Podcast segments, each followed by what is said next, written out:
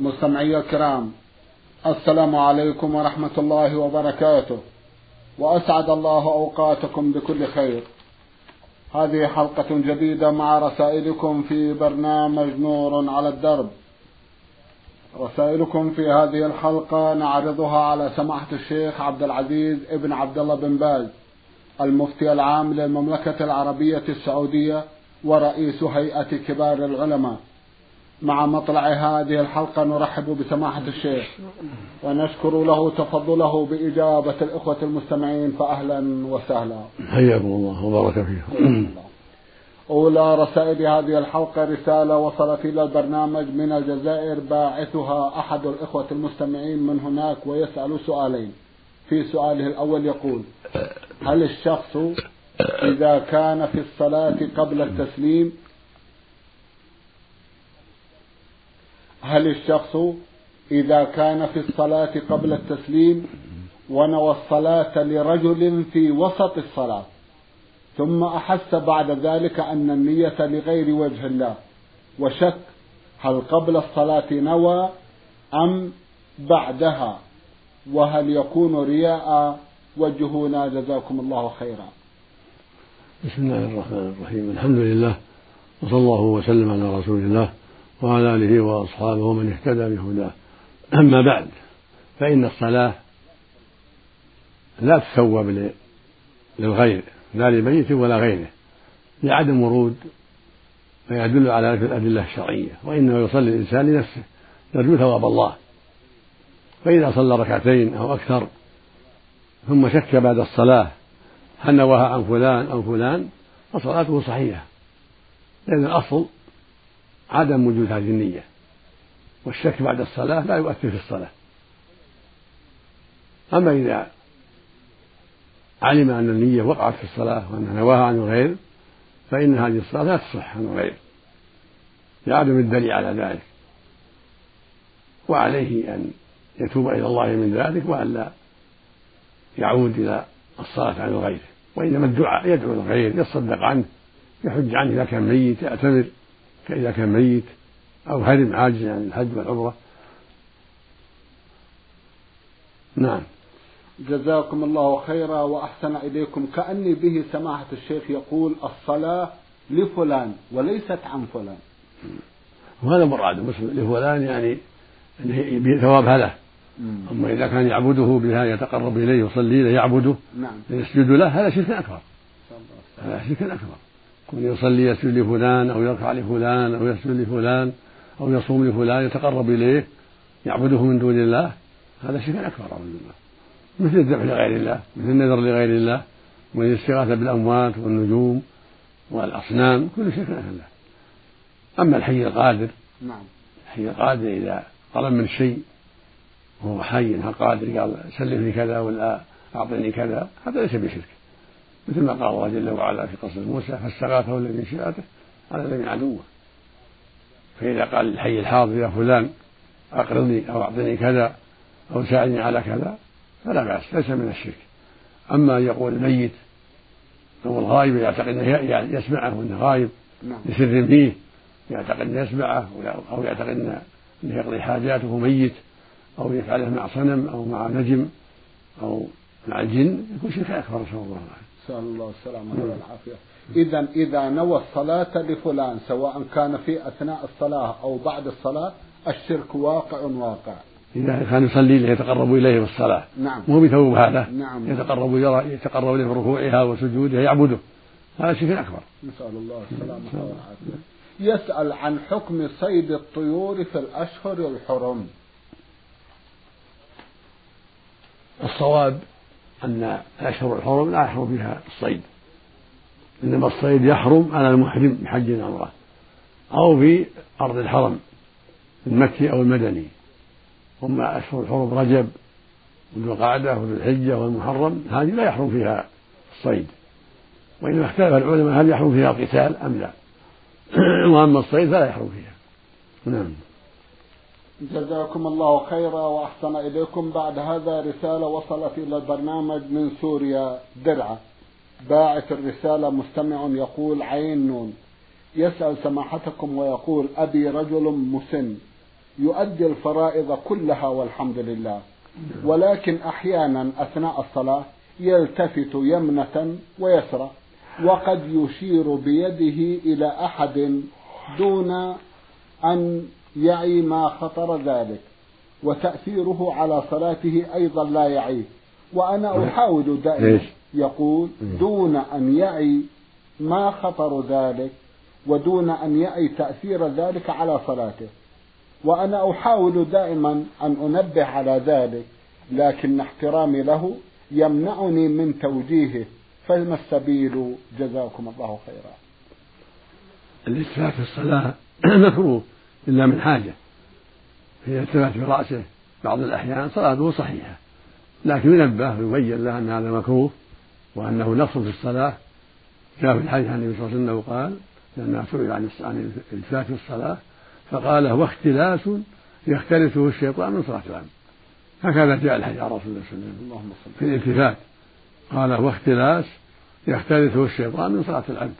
لكن إذا دعت الحاجة فلا بأس. النبي التفت في الصلاة للحاجة والصديق التفت في الصلاة للحاجة فالمقصود أن إذا كان الالتفات لحاجة بالرأس فلا بأس. وهكذا الإشارة لأحد الحاجة لا بأس. النبي أشار في الصلاة إذا أشار الإنسان يدخل أو يخرج أو يغلق باب فلا حرج في ذلك. الحمد لله. نعم. جزاكم الله خيرا وأحسن إليكم. مستمع هو عبد الله علي من جدة يسأل عن صحة هذا الحديث. عن عبد الله بن أبي أوفى رضي الله عنهما قال خرج علينا رسول الله صلى الله عليه وسلم فقال من كانت له حاجة إلى الله تعالى أو إلى أحد من بني آدم فليتوضأ وليحسن وضوءه ثم ليصلي ركعتين ثم يثني على الله تعالى وليصلي على النبي صلى الله عليه وسلم. هذا أجل؟ هذا أعطاه أعطاه صالح. السبت الآتي إن شاء الله. إن شاء الله. بعد هذا رسالة وصلت إلى البرنامج من جمهورية مصر العربية باعثها المستمع رمضان محمد سعد. الأخ رمضان يقول نحن نعلم أن تارك الصلاة كافر ومن ضمن الأشياء التي لا يجوز التعامل معه فيها أنه لا تجوز الصلاة عليه إذا مات وهو تارك للصلاة. وهناك حديث معناه صلوا على من قال لا إله إلا الله. أرجو الجمع بين هذا وذاك. جزاكم الله خيرا. الحديث المذكور صلوا على من قال لا إله إلا الله. حديث ضعيف ليس بصحيح النبي صلى الله عليه وسلم. لكن في الباب أحاديث صحيحة تدل على أن أهل التوحيد لهم حكم الإسلام. لكن لا يلتزموا بحق لا إله إلا الله. الموحد محكوم له بالإسلام إذا شهد أن لا إله إلا الله وأن محمدا رسول الله. يحكم له بالإسلام لكن بشرط أن ألا يأتي بشيء ينقض هذا الإسلام. ولهذا في الحديث إلا بحقها. المقصود إذا أنه أتى بالشهادتين ثم أتى بناقض من نواقض الإسلام فإنه ينتقض إسلامه فلو جحد وجوب الصلاة أو جحد تحريم الزنا أو سب الله ورسوله كفر عند الجميع. ولو قال لا إله إلا الله. فالمقصود أنه يأتي بالشهادتين ويلتزم بمعناهما وحقهما ولا يأتي بناقض من نواقض الإسلام. إذا أتى بناقض كفر ولم يصلى عليه ولو قال لا إله إلا الله. فالمنافقون يقول لا إله إلا الله. وهم من درك أسفل من النار نعوذ بالله. والمرتدون الذين ارتدوا عن الإسلام كثير منهم يقول لا إله إلا الله. لكنهم كفروا بتكذيبهم النبي صلى الله عليه وسلم وزعمهم أنه لو كان لو كان رسولا لم يمت. وهكذا كثير من أهل الردة يقولون لا إله إلا الله ولكن كفروا بالإيمان بأن مسلم نبي أو المختار نبي أو ما أشبه ذلك. فالحاصل أن الموحد المسلم الذي يشهد أن لا إله إلا الله وأن محمدا رسول الله إذا أتى بناقض من نواقض الإسلام كفر وصار مرتدا. ولهذا كتب العلماء في مؤلفاتهم بابا سموه باب حكم المرتد. باب حكم المرتد. نعم. وذكروا فيه نواقض الإسلام التي يرتد بها الإنسان ولو كان يقول لا إله إلا الله ويشهد أن محمدا رسول الله. ومن ذلك إذا جحد وجوب الصلاة أو جحد وجوب الزكاة أو جحد وجوب صوم رمضان أو استحل الزنا أو استحل شرب الخمر أو دعا الأموات واستغاث بهم أو دعا الأصنام أو النجوم أو استهزأ بالدين كل هذه ردة يكفر بها ولو قال لا إله إلا الله. جزاكم الله خيرا وأحسن إليكم. سمحت الشيخ هناك أناس يأخذون بعض الأحاديث ولا يلتفتون إلى البعض الآخر وأيضا يفعلون ذلك حتى في الآيات القرآنية. هل من كلمة حول هذا الموضوع؟ هذا من الجهل لا يجوز ضرب كتاب الله بعضها ببعض ولا ضرب السنة بعضها ببعض لا بد أن ينظر في النصوص كلها ويجمع بين الوارد في المسألة من الكتاب والسنة نعم. حتى يكون الحكم على بينة وعلى وضوح في الأدلة الشرعية. أما الجاهل الذي يأخذ دليلا ويدع دليلا أو يحتج بآية ويضيع آية في المعنى أو حديثا في المعنى هذا غلط. نقول على الله بغير علم. لا بد أن المفتي والحاكم يتتبع الأدلة ويجمع بين الأدلة حتى يأخذ حكم حكم حكم المسألة منها جميعا.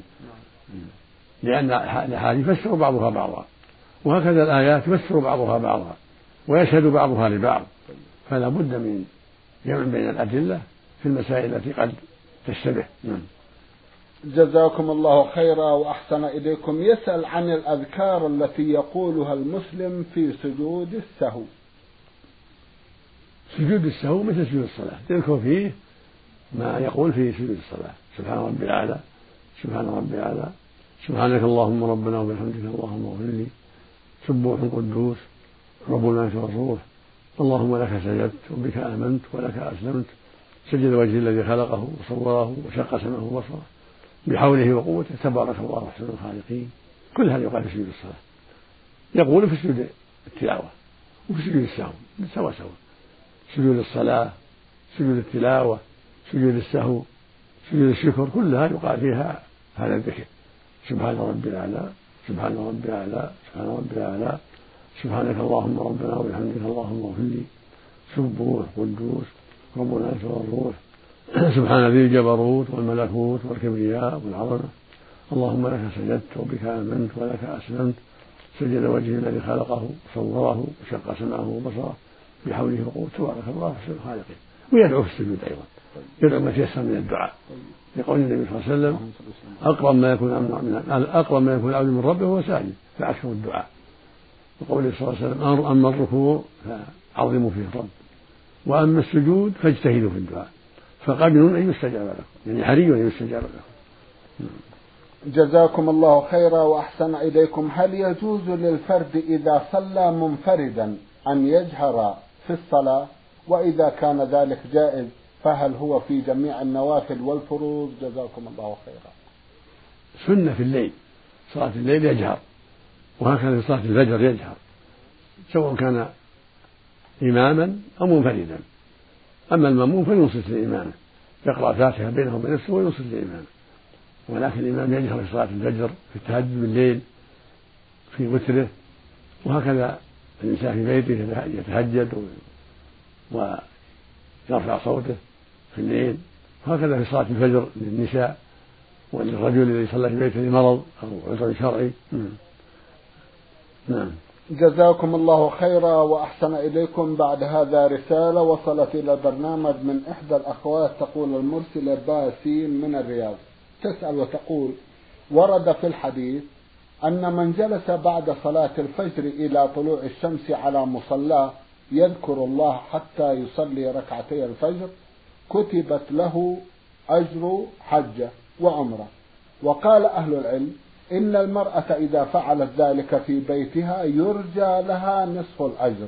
السؤال هناك أناس يقولون إنه يشترط لهذه الجلسة ألا يتحدث مع أحد في أمور الدنيا. هل هذا الكلام صحيح؟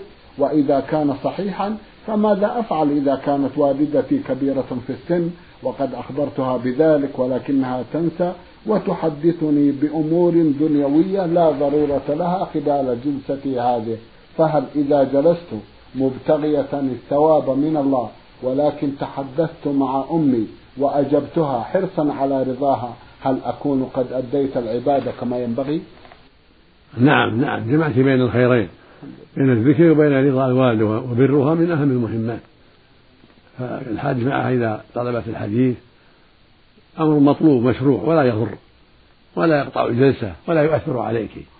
فمن جلس في مصلاه يذكر الله ويصلي على النبي ويسبح ويدعو حتى تطلع الشمس ثم يصلي ركعتين سنة الضحى. نعم. هاتان الركعتان يقال لها سنة الضحى ويسميها العامة سنة الإشراق وهي سنة الضحى مبكرة فله أجر. جاء في الحديث أجر حجة وعمرة تامتين. ولا فرق بين الرجال والنساء. المرأة كالرجل مو بنصف. نصف حجة لا حجة تامة. الرجل والمرأة سواء في هذا. الحديث عام للرجال والنساء. فالمرأة في بيتها تجد في مصلاها والرجل في مصلاه في المسجد حتى تطلع الشمس ثم يصلي ركعتين كله خير عظيم. يشتغل بذكر الله بالدعاء بقراءة القرآن الحمد لله. وإذا تكلم مع أخيه في شيء دعت إليه الحاجة فلا بأس. أو تكلمت المرأة مع زوجها أو مع والدتها أو مع غيرهم في الحاجة فلا بأس. جزاكم الله خيرا وأحسن إليكم. إذا الذين قالوا إن المرأة لها نصف الأجر ليس على صواب؟ غلط لا الأجر عام حكم واحد. ما شاء الله. الرجل مرأة سواء. بارك الله فيكم. وسواء كان ذلك في المسجد أو في بيتها. نعم, نعم، في المسجد أو في البيت. بارك الله فيكم وأحسن إليكم.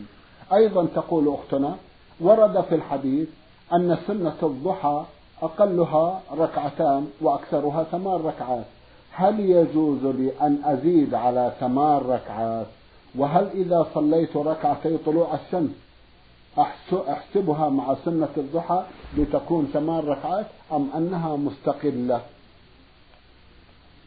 ليس في الحديث أن أكثرها ثمان ركعات إنما هذا من كلام بعض العلم. من كلام بعض العلم يقولون أكثرها ثمان ركعات.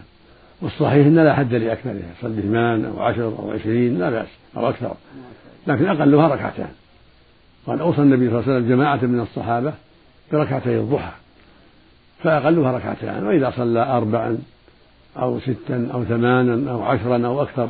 يسلم من كل ثنتين فكله طيب كله مشروع الحمد لله. جزاكم الله خيرا وأحسن إليكم. إذا إذا صلت ركعتي الشروق كما سمتها وصلت أيضا الضحى ثمان ركعات فهي على صواب. أو, أو, أو أكثر. أو أكثر. كله خير. الحمد لله. كله خير. جزاكم الله خيرا وأحسن إليكم. تقول سنة الوضوء هل المشروع فيها أن تكون عقب الوضوء مباشرة؟ أم يجوز تأخيرها بسبب بعض الأشغال مع بقاء النية على تأديتها بعد الفراغ من الشغل؟ وما هو الأفضل في هاتين الحالتين؟ جزاكم الله خيرا. الأفضل البدار بالصلاة. الأفضل بعد الوضوء يبادر بصلاة ركعتين. وإن شغل عنها وصلىها بعد ذلك فلا بأس. كله طيب. لكن الأفضل البدار نعم. جزاكم الله خيرا وأحسن إليكم. مستمعة تقول المرسلة باسين من الرياض. أيضا تسأل جمعا من الأسئلة. في أحدها تقول المفارش والبطانيات التي فيها صور ذوات الأرواح هل تعتبر من الأشياء المهانة؟ وهل في بقائها في غرف النوم حرج؟ وجهونا جزاكم الله خيرا. المفارش والمسائد واللحف ونحوها مما يمتهن لا يضر وجود الصورة فيها. وقد ثبت عن عائشة رضي الله عنها أن النبي صلى الله عليه وسلم لما رأى في ستر عندها صورة حتك ذلك وأنكره قالت فاتخذنا منه وسادتين يتكئ عليهم النبي عليه الصلاة والسلام.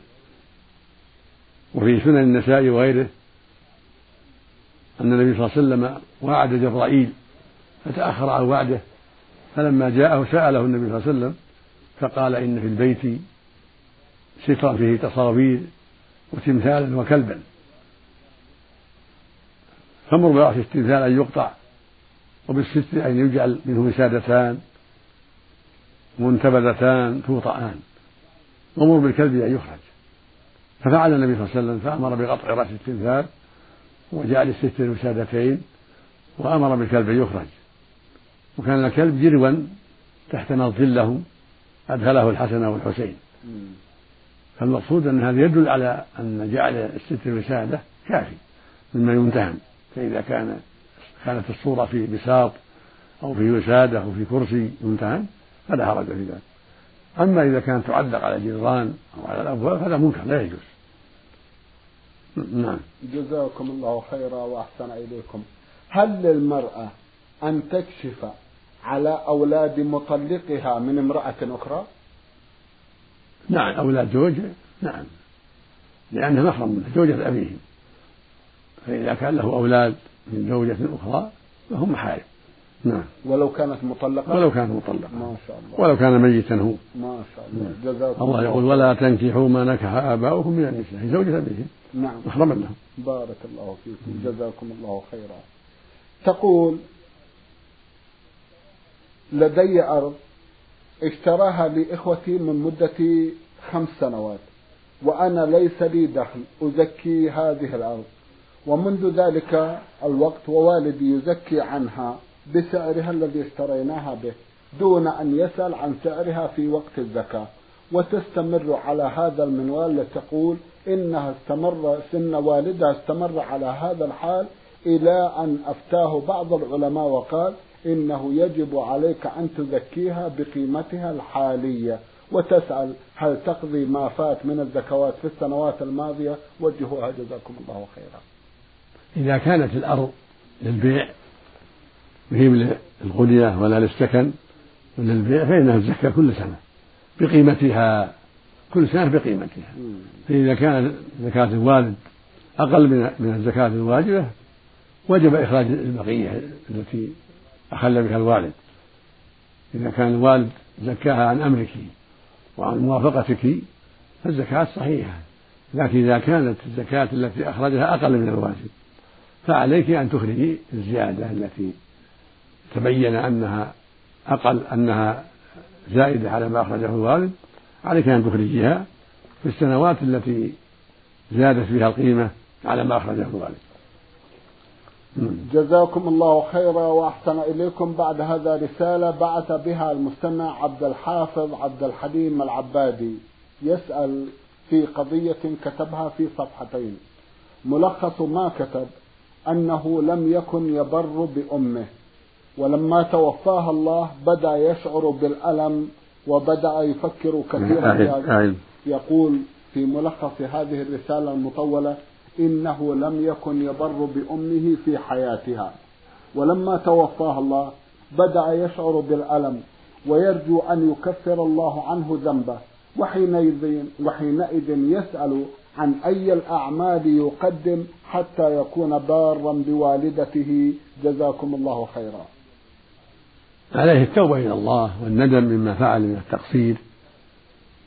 والتوبة تجب ما قبلها. إذا صدق في التوبة والندم فالله جل وعلا يتوب عليه. كما قال سبحانه وتوبوا إلى الله جميعا أيها المؤمنون لعلكم تفلحون. قال سبحانه وإني لغفار لمن تاب وآمن وعمل صالحا ثم اهتدى وقال النبي صلى الله عليه وسلم التائب من الذنب كما لا ذنب له. وقال عليه الصلاة والسلام التوبة تهدم ما كان قبلها. ويشرع لهم مع هذا كله الصدقة عنها والدعاء لها بالمغفرة والرحمة وإكرام صديقها وقضاء غالبها والإحسان إليهم كل هذا مما ينفع ويكفر ويرجى فيه الخير للوالدة والحج عنها والعمرة كذلك كله طيب. جزاكم الله خيرا وأحسن إليكم. بعد هذا رسالة بعث بها أحد الإخوة المستمعين يقول انني سائق سيارة إجرة ويأتيني بعض الركاب يطلبون توصيلهم إلى أماكن لم تؤثر زيارتها عن الرسول صلى الله عليه وسلم قاصدين زيارتها. فما الحكم إذا حملتهم إلى تلك الأماكن وأنا بقصد المعيشة؟ وإذا لم أحملهم فسوف يتأثر مستوى معيشتي. وجهوني جزاكم الله خيرا. ليس لك أن تعين على البدع. فإذا كانت محلات غير مشروع زيارتها فلا تحمله إليها. لا تبرعا ولا بأجرة ولا تعين على الباطل والبدع. يقول الله سبحانه ولا تعاونوا على الإثم والعدوان. فنقلك الناس إلى محلات. لم يشرع الله زيارتها. هذا لا يجوز لك ولا ولا يحل لك فعله ولا أخذ الأجور عليه جميعا. ولكن تنصحه وتوجهه من الخير وتقول ما في حاجة للزيارة.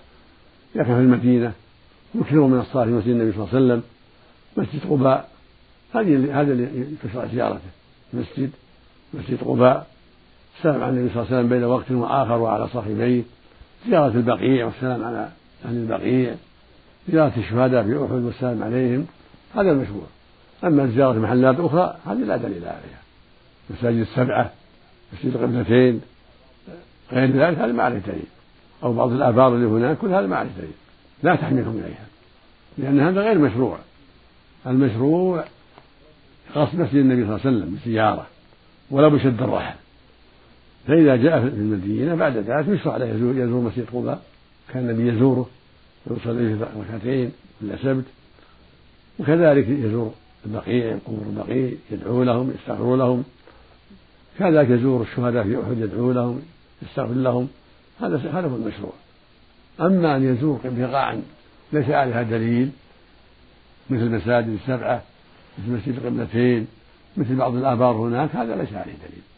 ولا تعين أحدا على ذلك. بل تنصحهم وتوجههم إلى الخير وتقول لهم هذا غير مشروع. ارسل المسجد النبوي صلوا فيه والحمد لله. هذا الخير العظيم. الصلاة في المسجد النبوي خير من ألف صلاة فيما سواه. إلى المسجد الحرام. يكثر من الصلاة في المسجد النبي صلى الله عليه وسلم. والقراءة والحمد لله. ولا حاجة إلى زيارة أماكن ما شرع الله زيارتها أو مساجد ما شرع الله زيارتها. لكن مسجد قباء خاصة تشرع زيارته. والصلاة فيه كعمرة كان النبي يزوره ويصلي فيه عليه الصلاة والسلام. نعم. جزاكم الله خيرا. مستمع بعث برسالة يقول صاد عين من عرعر. يقول قمت بتجميع جزء من رواتبي فحال عليها الحول. وصرفت جزءا من هذا المال قبل مضي الحول وبقي لدي جزء آخر. هل أخرج الزكاة عن المال المتبقي؟ جزاكم الله خيرا. المال المتبقي الذي حال عليه الحول؟ نعم. يجب عليه إخراج الزكاة إذا كان يبلغ النصاب أكثر من 56 ريال. إذا كان يبلغ النصاب عليك أن تخرج الزكاة وهي ربع العشر من كل ألف خمسة وعشرون. والذي أخرجته قبل قبل أن يتم الحول ما عليه زكاة. طيب. الذي أنفقته في حاجات بيتك مثلا نعم. أو قضيت به دينا قبل أن يتم الحول ليس فيه زكاة.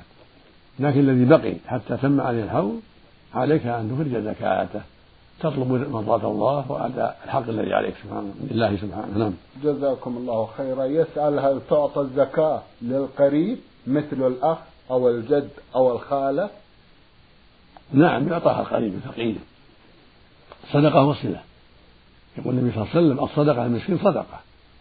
وعلى ذي الرحم اثنتان صدقة وصلة الأخ الفقير الخالة العمة ابن العم ابن الخال كل هؤلاء إذا كانوا فقراء يعطون. لكن لا تعطي أولادك ولا تعطي أباك ولا أمك ولا جدك ولا جدتك هؤلاء لا. الأصول والفروع لا يعطون تعطيهم من مالك مو من الزكاة. الذرية وإن كانوا فقراء تعطيهم من مالك. أو ذرية البنات تعطيهم مالك. أو أمك أو أو أم الأب أو الجد أو الجدة هؤلاء لا تعطيهم من الزكاة تعطيهم من مالك. بارك الله فيك. نعم. جزاكم الله خيرا. المستمع أحمد مبارك مصطفى يقول هل يجوز بيع العملة المعدنية بعملة ورقية بالفائدة؟ بمعنى أبيع تسعة ريالات معدنية بعشرة ورقية جزاكم الله خيرا. الأحوط مثل مثل عشرة بعشرة مئة بمئة هذا هو الأحوط. نعم. بعض أهل العلم أجاز ذلك لأن المادة مختلفة ولكن الأكبر الأقرب والأحوط ترك ذلك لأنها كلها ريال كلها عملة واحدة ريال واحد. نعم. جزاكم الله خيرا وأحسن إليكم. سماحة الشيخ في ختام هذا اللقاء أتوجه لكم بالشكر الجزيل بعد شكر الله سبحانه وتعالى. على تفضلكم بإجابة الأخوة المستمعين وآمل أن يتجدد اللقاء وأنتم على خير. نرجو ذلك مستمعي الكرام كان لقاؤنا في هذه الحلقة مع سماحة الشيخ عبد العزيز ابن عبد الله بن باز المفتي العام للمملكة العربية السعودية ورئيس هيئة كبار العلماء. شكرا لسماحة الشيخ. وأنتم يا مستمعي الكرام شكرا لحسن متابعتكم. ونحن نرحب برسائلكم على عنوان البرنامج. المملكة العربية السعودية الرياض الإذاعة برنامج نور على الدرب. مرة أخرى شكرا لكم مستمعي الكرام وإلى الملتقى. وسلام الله عليكم ورحمته وبركاته.